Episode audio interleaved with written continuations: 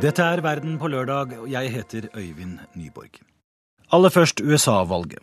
Som vi hørte i Dagsnytt, president Barack Obama leder med seks prosentpoeng i en duggfrisk måling for NBC og Wall Street Journal. Presidenten får 51% mens republikaneren Romney får 45% Jon Gelius er i Ohio, og da jeg snakket med ham sent i går kveld, sa han at den som vinner Ohio, kan komme til å vinne Det hvite hus. Og Her drives det nå intens valgkamp. I går var begge kandidatene her og drev valgkamp. Eh, Obama var tre forskjellige steder. Mitt Romney samlet alle sine republikanske venner til en stor massemønstring i går kveld. Så her er det innspurt også i Ohio. Hva er det som er viktig for folk i Ohio, eh, en stat som har eh, etter hvert fått merke de harde økonomiske tidene helt siden bilindustrien begynte å stupe i USA? Ja, Ohio er jo sånn sett også et speilbilde på deler av USA ved at det er høy arbeidsledighet, og at det også er økonomisk trange tider for veldig mange mennesker. Så det er eh, essensen i valgkampen som også speiler seg i denne delstaten. I går kom det jo nye arbeidsløshetstall som viser at arbeidsløsheten i USA steg med 0,1 prosentpoeng til 7,9% Og det er jo nettopp den svake økonomiske utviklingen, og arbeidsløsheten er jo Obamas akilleshæl. Eh, Mitt Romney var raskt ute i går med å si at dagen dagens økning er en trist påminnelse om at økonomien har stagnert. Eh, og det er klart at For velgerne her i Ohio så handler det jo nettopp om å sikre framtiden sin. At de skaffer seg jobb, at de har nok eh, penger til å skaffe mat eh, og husly for familien. Hvilken vei bærer dette, Jon Gelius? Vet du hva? Dette er så jevnt at hvis du sa landsmålingene, så er det dødt løp mellom de to kandidatene. Hvis du koker ned til noen av disse vippestatene, så er det også der uhyre jevnt. I Florida kan det se ut som om Mitt Romney tar den staten. Her i Ohio har det de siste ukene vært i Romneys favør. Han har knappet inn et forsprang til Obama, men det virker som de siste dagene at Obama har gjenvunnet noe av vinden i seilene, slik at han kanskje ser ut i dag til å ta Ohio. Og hvis vi da historisk skal se tilbake, ja, hvis Obama tar Ohio, ja, så blir kanskje Obama USAs neste president. Well, it tells us that right now it's still a little too close to call. Um, the nat- in the national popular vote and the polls, Obama and Romney are essentially tied. Uh, it does look like Obama may have a slight edge in some of the key swing states, uh, but as of yet. Vi føler oss foreløpig ikke komfortable med å utrope en vinner, sier Jeff Skelly, politisk analytiker ved Virginia-universitetets Center for Politics. Han er en av dem som skriver nettnyhetsbrevet The Crystal Ball. Nettstedet er svært godt kjent blant politisk interesserte her i USA for sine upartiske analyser og pålitelige spådommer, de vi vil heller kalle det prognoser, om valgresultatene. I presidentvalget for fire år siden tippet de at Barack Obama ville vinne med 364 mot 174 valgmannsstemmer. De bommet med bare én stemme. Men denne gangen er det mye vanskeligere. Forhåpentligvis vil en rekke meningsmålinger som kommer de neste dagene, hjelpe dem å se klarere inn i krystallkulen. Uh, just before the election, uh, but we're still we're still monitoring what's going on. A bunch of polls are going to come out over the next couple days, and those will probably tell us the final story. Og noe av det de nye meningsmålingene kan vise, er om det skjer bevegelser hos velgergrupper den enkelte kandidaten trenger for å vinne. Stigende oppslutning blant latinovelgere er noe Obamas valgkamp følger ekstra nøye med på, sier Skelly. Uh, I think that we're, we're seeing that it's possible Obama actually might do better among Latino voters than he did last time, at least in terms of you know, who actually shows up. Uh, exit polls last time pegged his support among Hispanic voters at about 67%.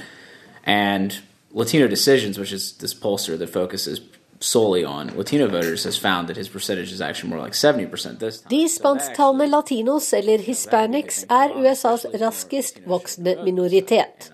Og hvis det er riktig at Obamas oppslutning blant dem har økt fra 67 til 70 siden sist, og at flere av dem faktisk kommer til å stemme, er det gode nyheter for presidenten. Hans synkende oppslutning blant hvite velgere er en helt annen sak. Uh, Obama's support among white voters is down, and really it's kind of a question of how far is it down. You know, if, if it's down from 43% to 40%, he could probably survive that. But if it's getting too far below 40, then then he might very well be in trouble, and Romney might be in position to win. The Crystal Ball og de andre politiske spåkonene her i USA koser seg med modeller for fordelingen av valgmannsstemmer, altså de stemmene som egentlig avgjør det amerikanske presidentvalget.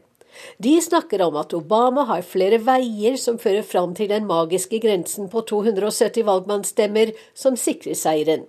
At Romney kan tape Ohio, men likevel ha en mulighet hvis han tar Wisconsin og Iowa, eller Nevada. I think the three states you want to watch on election night are Ohio, uh, Wisconsin, and Nevada. And I say this because if Romney is going to win, he if he wins Ohio, well, then he's probably going to win. But he can, there's another path for him to win if he wins Wisconsin. Now that also means you need to watch Iowa because he needs to carry that too. But really, the reason I think you're seeing the Obama campaign particularly uh, aggressive in defending Ohio, Wisconsin, and, and, Nevada is because if Romney wins any of those three states, it opens up paths for him to get 270 electoral votes. Whereas if Obama wins all three, it's game set match. Uh, Men so dette er altså mat for politiske junkies. For velgere vi har snakket med i vippestaten Virginia, er valget langt enklere, og de har bestemt seg. I'm going to vote for Mitt Romney and Paul Ryan. Why? Because I'm a small governments, free market, conservative, and you know the economy right now it's just not rebounding the way it should. And who are you going to vote for? Obama. Why? Um, I think a lot of the social uh, factors um, are keeping Obamacare and women's right to choose, and um, I don't know. I think he cares more about the middle class. Mr. Romney. I really think that he is a caring person who is willing to go in and get his hands dirty. He's going to roll up his shirt sleeves and he's going to work with people and do things and take things from a more practical perspective. I've already voted and I voted for Barack Obama because I think he's done a very good job. I'm an independent. I vote for the person and I think I think he's the best. Kollega Wenche Eriksen hadde laget denne reportasjen. USA har ikke den rollen i verden som de en gang hadde, sier utenriksminister Espen Barth Eide. Han sa Norge har et godt forhold til USA uansett hvem som vil sitte ved roret etter presidentvalget, da jeg møtte ham på hans kontor i Victoria terrasse. Nå har vi altså blitt eh, godt vant til samarbeidet med Obama. Eh, forholdet mellom USA og Norge er veldig godt, veldig nært og veldig bredt. Men det er det sikker på at det også ville bli hvis det skulle gå slik at, eh, at Romney vant. Obama er jo kritisert for ikke å få til noe verken på hjemmebane eller f.eks. i Midtøsten, der Norge eh, har spilt eh, en viktig rolle. Hva tenker du dersom Obama skulle få ny fire år? Blir det noe endring på det? Ja, først vil jeg si at jeg er overhodet ikke enig i at ikke Obama har fått til noe. Han har fått til svært mye. For det første har han vært en god leder i USA gjennom Eh, den verste finanskrisen på 70 eh, år i, USA. Eh, og, og med, han har jo på mange måter håndtert den bedre enn mange europeiske land har gjort. Det tror jeg mange amerikanere også har merket. Og, og, og, du ser nå en positiv utvikling på industritall f.eks. i USA. Så har han fått til en startavtale, så vi nå igjen har en nedrustningsprosess mellom Russland og USA. Og jeg mener også på en rekke andre områder at Obama har bidratt positivt. Men det er klart at Midtøsten eh, er fortsatt uløst. Eh, og det er veldig spennende å se om en eventuelt eh, gjenvalgt Obama vil være i stand til å ta noen nye grep der. Fordi nye grep fra USA er viktige. USA er ikke viktigst i alle konflikter i verden, men i Midtøsten spiller de en veldig sentral rolle. Dersom det blir nye folk inn i Det hvite hus og Mitt Romney skulle overta roret, hva tenker du om det? Ja, Vi samarbeider med eh, den administrasjonen amerikanerne velger. Vi vet jo da av erfaring at eh, om det blir presidentskifte, så vil det ta ganske lang tid før en ny politikk utkrystalliserer seg.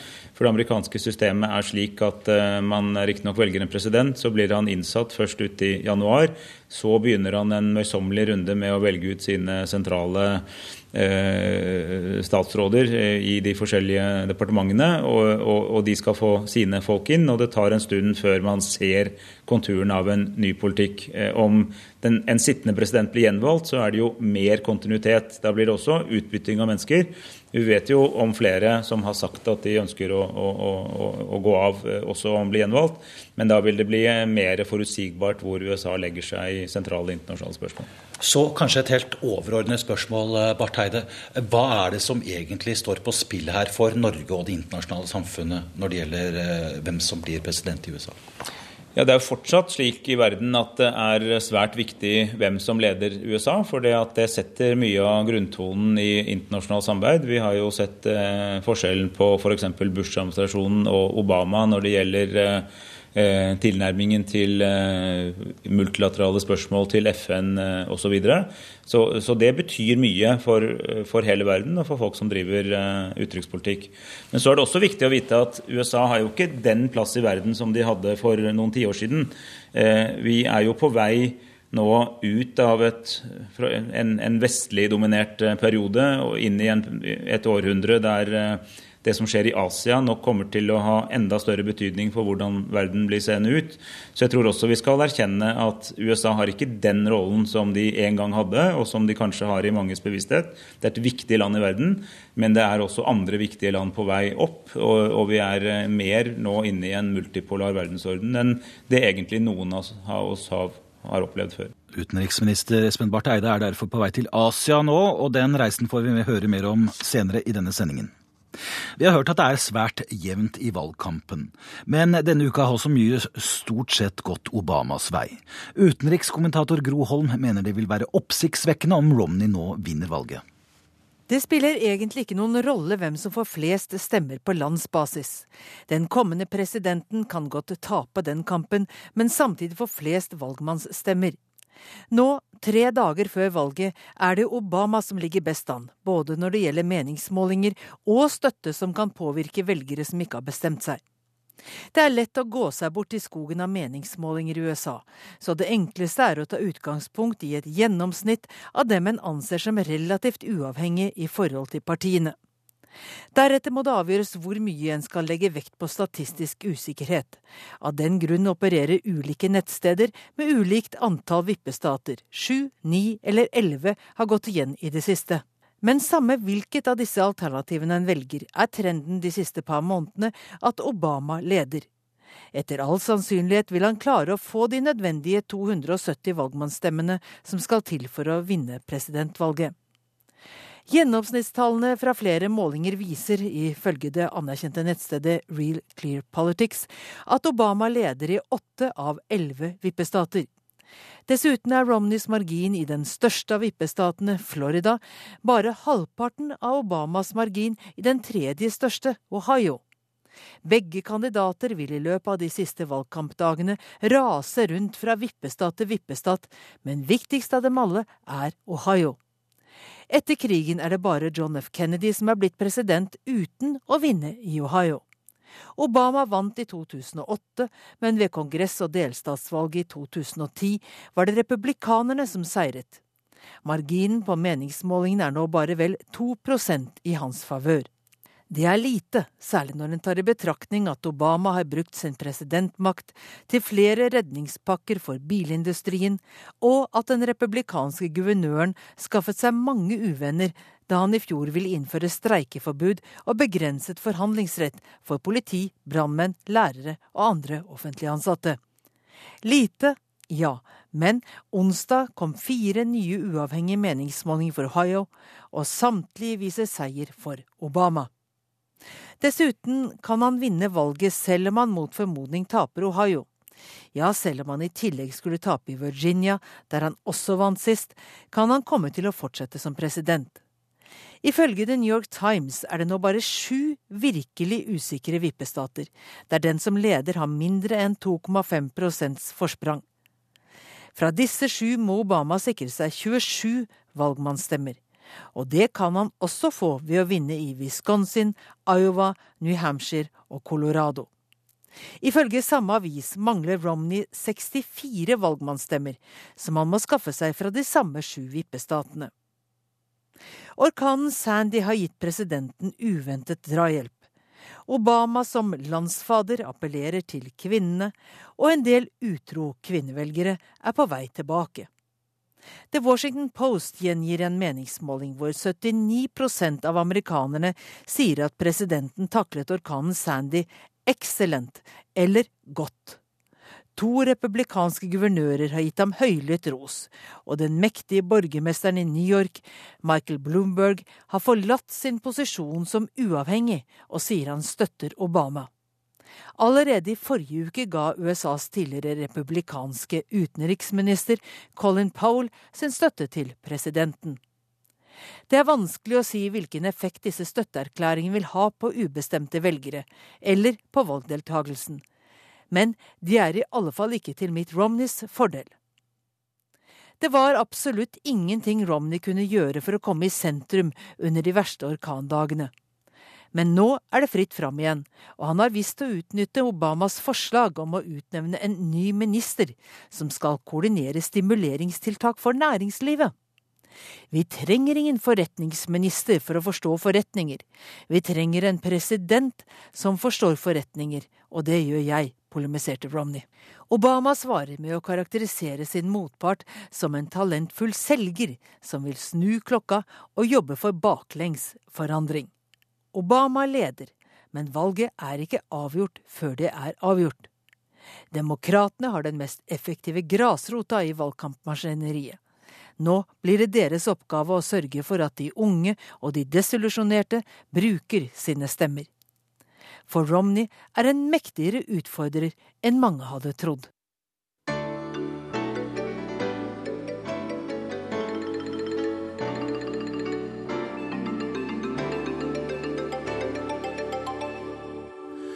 Myanmar er inne i en av de mest vellykkede overgangene til demokrati verden, i verden akkurat nå, sier utenriksminister Espen Barth Eide. I morgen åpner Norge sammen med Danmark og Sverige et ambassadekontor i Yangon, og jeg snakket med Barth Eide før avreise. Dette gjør vi fordi vi har sett at Myanmar er nå midt oppe i en svært spennende og positiv utvikling. Det er en av de mest vellykkede demokratiske transisjonene eh, verden står oppe i akkurat nå. Eh, et land med mange uløste problemer, men også et land med en ledelse som ønsker å legge fortiden bak seg og se inn i en mer demokratisk og åpen fremtid, og også ønsker å styrke båndene til verden utenfor. Eh, der har Norge spilt en rolle lenge. Jeg har selv vært flere ganger i Myanmar som tidligere statssekretær i Utenriksdepartementet. Og Norge har hatt en tett kontakt nå med de nye myndighetene, men også med Aung San Suu Kyi og med ulike opposisjonsgrupper, for å bidra til denne prosessen. Og Vi mener da at tiden er kommet til å ha en sterkere diplomatisk representasjon. Og det er også veldig gledelig å kunne fortelle at det gjør vi da sammen med nærtstående nordiske land. Eh, så dette blir altså eh, en, en felles, et felles representasjonskontor med hver våre diplomater, men som skal jobbe tett sammen. Og nå er det slik at man skal bane vei for eh, norske selskaper i eh, Myanmar, fordi landet trenger vel å komme på fot igjen økonomisk? Ja, Landet har jo vært uh, svært isolert, og det er et av de aller fattigste landene i Asia. og Det sier jo en del. Eh, det har stort sett vært eh, kinesere eh, som har vært inne med næringsliv. Det har ikke vært bare hyggelig for Myanmars innbyggere. Nå åpner verden seg mye mer. Norge var et av de første som begynte å fjerne sanksjonstiltak. Men nå har vi jo sett at både EU og USA har gjort mye av det samme. Så nå er det en stor interesse for å etablere seg i Myanmar. Det gjør norske bedrifter. Vi skal også være til stede på åpningen av et kontor for Jotun i Yangon. Ehm, men jeg har også lyst til å si at vi i vår bistand til Myanmar også samarbeider med dem om å hjelpe dem til å sette litt sånn stil og orden på den åpningen. At det nå ikke bare blir et, et ras av eh, bedrifter som skal karre til seg deler av eh, landet, men at man må få en slags organisert overgang. For landet har vært dypt isolert, skal nå åpne seg. Det er bra, men det er også en krevende prosess. Og Verdensbanken Eh, som nå har et, eh, nettopp har gitt et eh, betydelig lån til Myanmar. FNs utviklingsprogram, FN generelt, sammen med Norge og andre gode givere, ønsker altså å bistå Myanmar i denne store omstillingen som de nå skal gå gjennom. og Da er det viktig å ha også en permanent diplomatisk representasjon. Er det ventet et slags kaos nå? Frykter man et slags Klondyke eller Texas i Myanmar? Jeg snakket med president Thein Sein eh, for en måned siden i New York. Eh, og eh, Da snakket vi litt om det. At en slik åpning er høyst velkommen, men må også skje innenfor forsvarlige rammer. Det er viktig å tenke på miljøet. Det er mye flott og urørt natur, store mineralressurser, store skogressurser. Men det må jo forvaltes på en god måte. Norge har erfaring fra vår egen forvaltning både av vannkraft, av mineralressurser, av olje og gass. Og, og, og, vi har da tilbudt å bistå med erfaringer fra god forvaltning, slik at det som er samfunnets fellesressurser, forblir i samfunnets eie. Eh, mens at man da kan høste fruktene av det eh, gjennom f.eks. å gi konsesjoner til utenlandske selskaper, men på en kontrollert måte.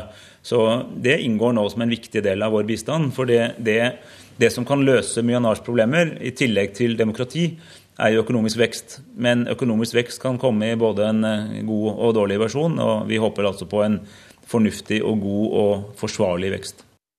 Anders Magnus, du er også på vei til Myanmar, men i Japan akkurat nå? Ja, nå er jeg eh, i følge med statsminister Jens Stoltenberg. Han har nettopp eh, avsluttet et eh, besøk her i Japan og skal videre til Myanmar, hvor han skal åpne norsk, et norsk ambassadekontor der. Besøket hans i Asia viser jo at Norge nå forsøker å legge vekt på gode venner i denne delen av verden. Japan er jo en av Norges beste venner og et land som Norge trenger kanskje mer nå enn noen gang, siden vi ikke har noe forhold til Kina i det hele tatt. Og i eh, Myanmar er jo et, eh, kan bli et kommende marked for norsk industri, og et land som Norge har hatt et veldig nært forhold til eh, lenge. Espen Barth Eide sa tidligere i sendingen i forbindelse med valget i USA at USA ikke er like viktig lenger som de var for noen tiår siden. At det er Asia som nå tar mer makt. Er du enig? Ja, kineserne vil i hvert fall være enig i det. De mener at uh, Kina er uh, det viktigste landet i verden for tiden og bør få mer innflytelse. Men problemet er jo at det, med innflytelse følger det også ofte ansvar. Og kineserne ønsker jo ikke å ta noe utenrikspolitisk ansvar i verden, i hvert fall ikke enn så lenge. Men det er mange i andre deler av Asia som er veldig engstelige for eh, oppbyggingen i Kina. og Blant dem er jo Japan, selvfølgelig. Det er jo i strid om eh, noen øyer som eh, kan utvikles til å bli en veldig alvorlig konflikt hvis den får lov til å trappes opp. Kina er også i konflikt med Filippinene, Vietnam, Sør-Korea av og til. Og ikke minst så har de et litt anstrengt forhold til Myanmar nå, fordi er, de har hatt investeringer der under eh, juntaregimet. Nå når eh, Myanmar er i ferd med å bli demokratisk, så er eh, kineserne mer og mer upopulære i det landet. Så det er Samtidig som Asia bygges opp til å bli et maktsentrum, så er det også sterke rivninger innad i i, i denne verdensdelen, som eh, vi nok skal følge veldig nøye med på fremover. Torsdag eh, så starter partikongressen i Kina, og både president eh, Hu Jintao og, og Wen Jiabao, statsministeren, går av. Og hva kommer i stedet? De som skal etterfølge disse to, er jo Xi Jinping, som, som skal bli partisekretær, som det heter. Dvs. Si leder for kommunistpartiet, og dermed for det mektige, eh, allmektige organet i, i Kina. Og så er det Li Keqiang som, eh, som får en uh, rolle som nummer to i partiet. På, uh, på Riksomparlamentets uh, kongress i mars neste år så vil de to bli innsatt som henholdsvis president og statsminister i Kina og får dermed den formelle makten også over statsapparatet. Men når du spør om hva vi kan vente oss av disse to, så er det veldig få i Kina som har noen forventninger om at det blir noen særlige endringer. Mange hadde vel et håp om at de liberale kreftene i kommunistpartiet, de som ønsker en genuin overgang til et mer demokratisk samfunn, skulle vinne fram. Men så langt som uh, vi forstår at uh, den interne maktkampen har uh, resultert i, i eh, så har de liberale tapt. Og på mange måter så er det gamlegutta med Li Pang, som var jo en av de som sto bak massakren på Den himmelske freds plass, og den tidligere presidenten Jiang Zemin, som nå er 86 år gammel, som, som har fått gjennom de folkene som de vil ha til å styre i Kina. Og, og det blir gammelkommunisme på mange måter videre, og det er få som tror på noe liberalisering. Det sa Asia-korrespondent Anders Magnus da jeg snakket med ham i går ettermiddag.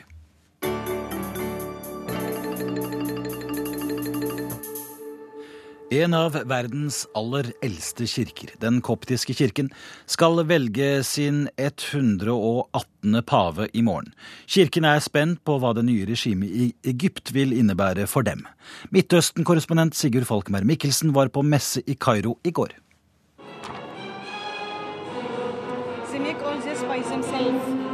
Koret i Marigirgis-kirken her i Kairo er akkurat nå en teaterscene. En ung mann kledd i hvitt forsøker å dominere en sortkledd skikkelse. Den sortkledde kneler.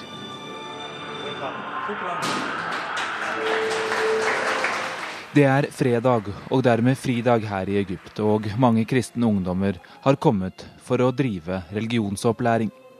Mari Girgis, eller Sankt Georg som han er kjent som i Vesten, drakedreperen, er en aktet figur i den koptiske kirken. Og like bortenfor der vi står og ser på ungdommene, ligger kirkens relikve. En del av helgenens kropp. Det er usikre tider for den kristne minoriteten, og de har fastet i tre dager for at Gud skal rettlede dem i pavevalget i morgen.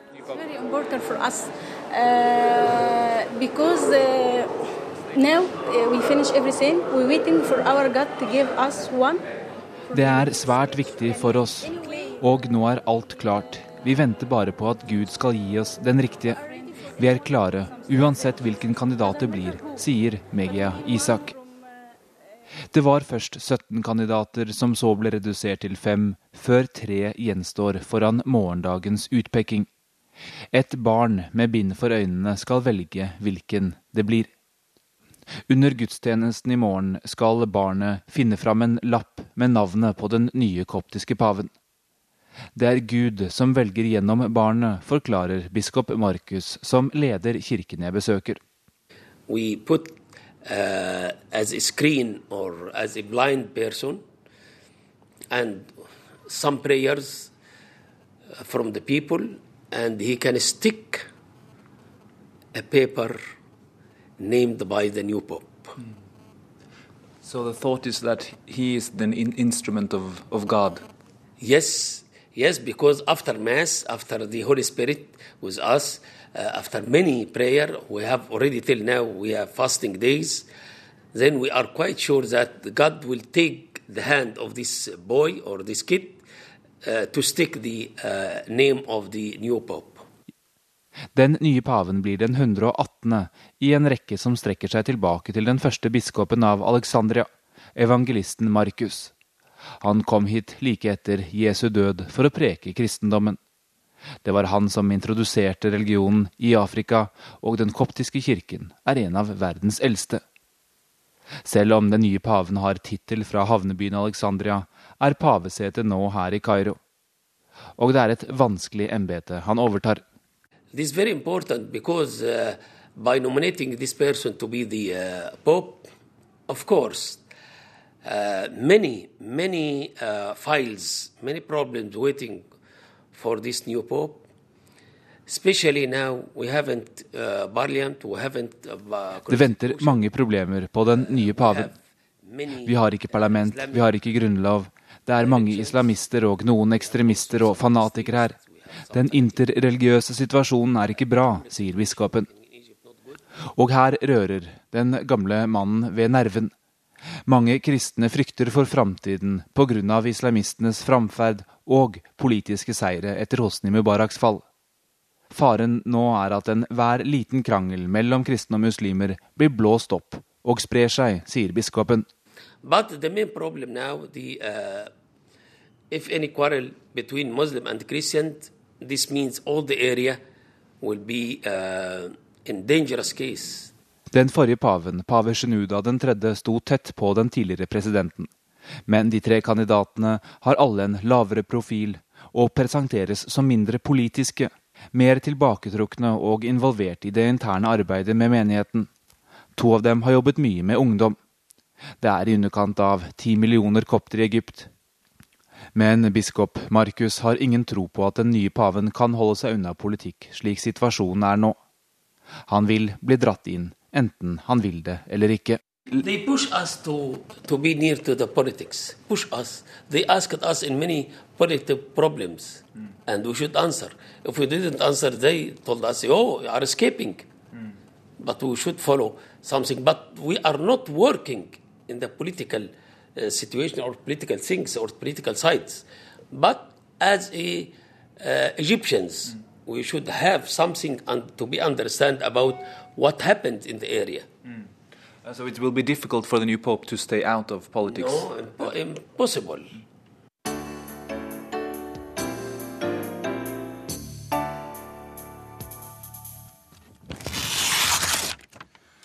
Da åpner vi ukens korrespondentbrev, som er postlagt i Washington av Anders Tvegård. En fireåring fra Colorado oppsummerer følelsene mange amerikanere har nå. Presidentvalgkampen har tatt på. Et knippe delstater, som Colorado, pepres med politisk reklame. Telefonene ringer med innlest budskap om hvem du bør stemme på. Gatekryssene er dekorert med valgplakater. Hver minste uheldige kommentar analyseres i et større bilde i en 24 timers nyhetsstrøm. Og over 130 meningsmålinger de siste to månedene bekrefter det samme. Nasjonen er fortsatt så godt som delt ideologisk. Over fire millioner mennesker har sett internettvideoen med en gråtende Abigail. Jeg er lei, sier fireåringen mens tårene triller nedover kinnene. Lei av Bronk Obama og Mitt Romney. Mora filmer det hele, prøver å trøste Abigail med å si at det hele snart er over. Fireåringen snufser, virker usikker. Jeg tør ikke komme med noen tall på valgtrøttheten. Meningsmålingene her kan gi deg det svaret du ønsker. Kjendisanalytikeren Nate Silver mener sikkert noe om det. Mer om ham hvert øyeblikk. Vil bare først gi deg en liten stemningsrapport på hva jeg opplever akkurat nå. Det er ikke sikkert du kjenner deg igjen. Jeg håper egentlig du ikke gjør det. Noen ganger får jeg på en uforklarlig måte ekstra energi, akkurat når jeg ikke trenger det. Som om koffeinet skulle slå inn idet du håpet du kunne synke ned i et flysete og våkne opp på et nytt sted. For tre kvarter siden var det en lettelse å høre kunngjøringen skjære gjennom støyen i avgangshallen om at flyet likevel ville ta av mot Washington. Vi kunne komme utenom det største stormsystemet som noen gang er registrert i Atlanterhavet, og som har satt østkysten her i USA ut av spill. Opplagt at det gledet alle reisende å kunne komme hjem til familiene eller oversvømte kjellere på denne allehelgensaftenen. Det er her på flyet jeg kladder dette brevet, for å virke opptatt. På samme måte som noen programmerer mobiltelefonen til å ringe ti minutter ut i møter for å slippe unna. Jeg ville egentlig slappe av, sitte litt i egne tanker, slippe å prate. Bryte alle sosiale regler i det offentlige rom her borte. Noe søvn ble det ikke. Hun ved siden av meg hadde en uforståelig evne til å holde meg våken. Jeg skjønte tegninga allerede da jeg tilbød å løfte designerkofferten hennes opp i hattehylla, slik at hun ikke skulle brekke de nylakkerte, hvite, ekstra lange neglene. Vanligvis inviterer ikke et 'hvordan har du det' til videre samtale, men kroppsspråket hennes og det store, spørrende blikket viste med tydelighet at hun hadde et ønske om å plapre i vei. Kanskje om hvordan frisøren ikke hadde klart å farge håret hennes helt blondt i tuppene, eller hvordan ungdomsklærne kommer i for små størrelser for en som var på bar før flere av oss i det hele tatt var født. Jeg var ikke klar, verken opplagt eller i et utvidet snakkehumør. Savnet et øyeblikk norske reiseforhold. En forsøksvis høflig avvisning nådde ikke gjennom sminkelaget. Boka hun hadde med seg, Fifty Shades, var bare for syns skyld. Hun leste den iallfall ikke. I stedet småhumret hun av bilder hun fant i veska. Hun kunne finne på å puste høyt og tungt uten å ha noe anfall. Ta opp en parfymeflaske og spraye på halsen, for så å unnskylde seg til oss andre dersom også vi hadde fått litt på oss. Hvitvinen roet henne heller ikke ned, og flyvertinnen hadde ikke tid til å stå og snakke om hvor hun hadde kjøpt anretningen som holdt lesebrillene hennes fast på jakkeslaget. Verken jeg eller han som vant vindusplassen ville ta ansvar. Jeg fant fram datamaskinen og startet å skrive, mens han lukket øyet som var synlig fra siden, og brukte det andre til å titte ut. Den kontaktsøkende dama var uheldig med midtseteplasseringen for den to timer lange flyturen. Helst passer det, og egentlig er det bare hyggelig og befriende å se at folk snakker med ukjente om sine liv. Bryr seg, hjelper til. Det er en del av den amerikanske kulturen. Vi hadde en drøy times togtur fra Manhattan ut til Hofstra-universitetet på Long Island. Jeg skulle rapportere fra presidentduellen i New York. Reiste lett med en bag, videokamera og stativ. Det starter fort en dialog. Spesielt når du oppdager at du ikke er den eneste som har bommet på en overgang og må ta en liten omvei med et par togbytter. Cherry og jeg gikk av på samme endestasjon. See you later. Det ble raskere enn antatt. Etter noen minutter ser Sherry at jeg står noe rådvill på fortauet. Mobilen hadde ikke dekning, det var ikke en betjent togstasjon eller taxi som ventet. Jeg var i rett kommune, men hadde tatt feil lokaltog. Hun ruller ned vinduet på bilen og lurer på når avtalt transport kommer. Jeg lurer på det samme, bortsett fra det med avtalt. Denne delen av Long Island var ikke et godt sted for en i dress og slips med synlig teknisk utstyr, mente Sherry. Hun hadde egentlig ikke tid til å stanse. Hun ventet på telefon om at hun hadde blitt bestemor, og ville så kjøre rett til sykehuset. Men hun var like fast bestemt på å få meg fram til debattlokalet. Det ble en 40 minutter omvei for henne, og hun nektet å ta imot penger. Hjelpsomhet er noe jeg opplever oftest. Alt fra det hverdagslige med naboer som sjekker innom kjæresten som ligger med brukket ankel mens jeg er på reise, til det større løftet eller fellesskapsfølelsen etter katastrofer. Også presidentkampanjene satser på frivillighetskulturen og at folk vil være med og dra lasset. Den siste uka har jeg fått e-poster fra Barack, Michelle Mitt og venner av dem, som pent spør om jeg ikke kan spytte inn fem dollar eller mer. Min støtte er avgjørende for at de vinner, står det i e-postene. Sist nå en e-post fra presidenten, som mener han lett kan tape om ikke jeg bidrar med å ringe rundt i de få delstatene det kriges om. Obama-kampanjen stoler tydeligvis ikke på kjendistallknuseren Nate Silver. Han mener det hele er avgjort. Som i en amerikansk fotballkamp med tre minutter igjen å spille, skal det mye til for at laget som leder med ett mål, taper. Det er 79% sannsynlighet for at den som leder, tar seieren i mål, har Silver regnet seg til. Den 34-årige karen fikk nasjonal berømmelse da han for fire år siden spådde utfallet av presidentvalget. Han forutså resultatet i 49 av 50 delstater, og den han bommet på, Indiana, der vant Obama med 1% Han traff også i spådommene om de 35 senatsvalgene det året. Nate Silver gjør ingen opinionsmålinger selv. Han setter sammen den endeløse strømmen av meningsmålinger fra selskaper eller organisasjoner du kanskje aldri har hørt om, sjekker hvor representativt undersøkelsen er, om det er fastlinje eller mobil som er brukt, hvilke deler av gruppa med stemmeberettigede som er spurt, justerer tallene, og modellen hans var karrieremessig gull verdt i 2008. Spørsmålet er bare om Nate Silver også blir en one term kjendistallknuser, eller om modellen hans blir et instrument når man ønsker mer eksakte og korrekte føringer på hvilken vei vinden blåser. Selv mener han det er 79% sannsynlighet, samme tall som fra fotballen, for at Obama vinner. Utregningen kom på oppløpssiden på halloween, da det var én uke igjen til presidentvalget. Alt handler om veien mot 270 valgmenn, det magiske tallet for Det hvite hus. Siden valgsystemet her er slik at vinneren tar alt i delstatene, er de nasjonale målingene mindre interessante akkurat nå. Det kan bli en situasjon der Mitt Romney får flest stemmer totalt, men likevel ikke nok delstater i ryggen til å nå halvparten av de 538 valgmennene. Enkelt sagt, for alt dette kan du se på nrk.no. California har flest innbyggere, og derfor flest valgmenn, 55. Wyoming er minst, med tre valgmenn. Stemmehistorikken har delt USA inn i blå og røde delstater. For å få regnestykket til å gå opp, må man på jakt etter stemmer i delstater som vipper eller bytter på å gi seieren til republikanere og demokrater. Derfor er delstater du sjelden hører om ellers, som Ohio og Colorado, så viktige nå. Nate Silver mener guvernør Romney ikke klarer å trenge gjennom Obamas brannmur i Midtvesten. I så fall må alle meningsmålingene der ute som han bygger regnestykket på, være systematisk feil, sier han. Silvers valgvarsel er at Obama får 303 valgmenn i år og fire nye år. Selvsikkerheten er også stor hos Obamas guru, David Axelrod. Den nære rådgiveren har lovet å barbere den 40 år gamle Burt Reynolds-barten om demokratene taper i de tre delstatene Minnesota, Michigan og Pennsylvania. Han tør ikke vedde barten på Ohio. Jeg var i vippestaten Florida tidligere denne uka.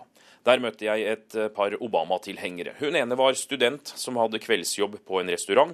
Den andre var pensjonert bilmekaniker.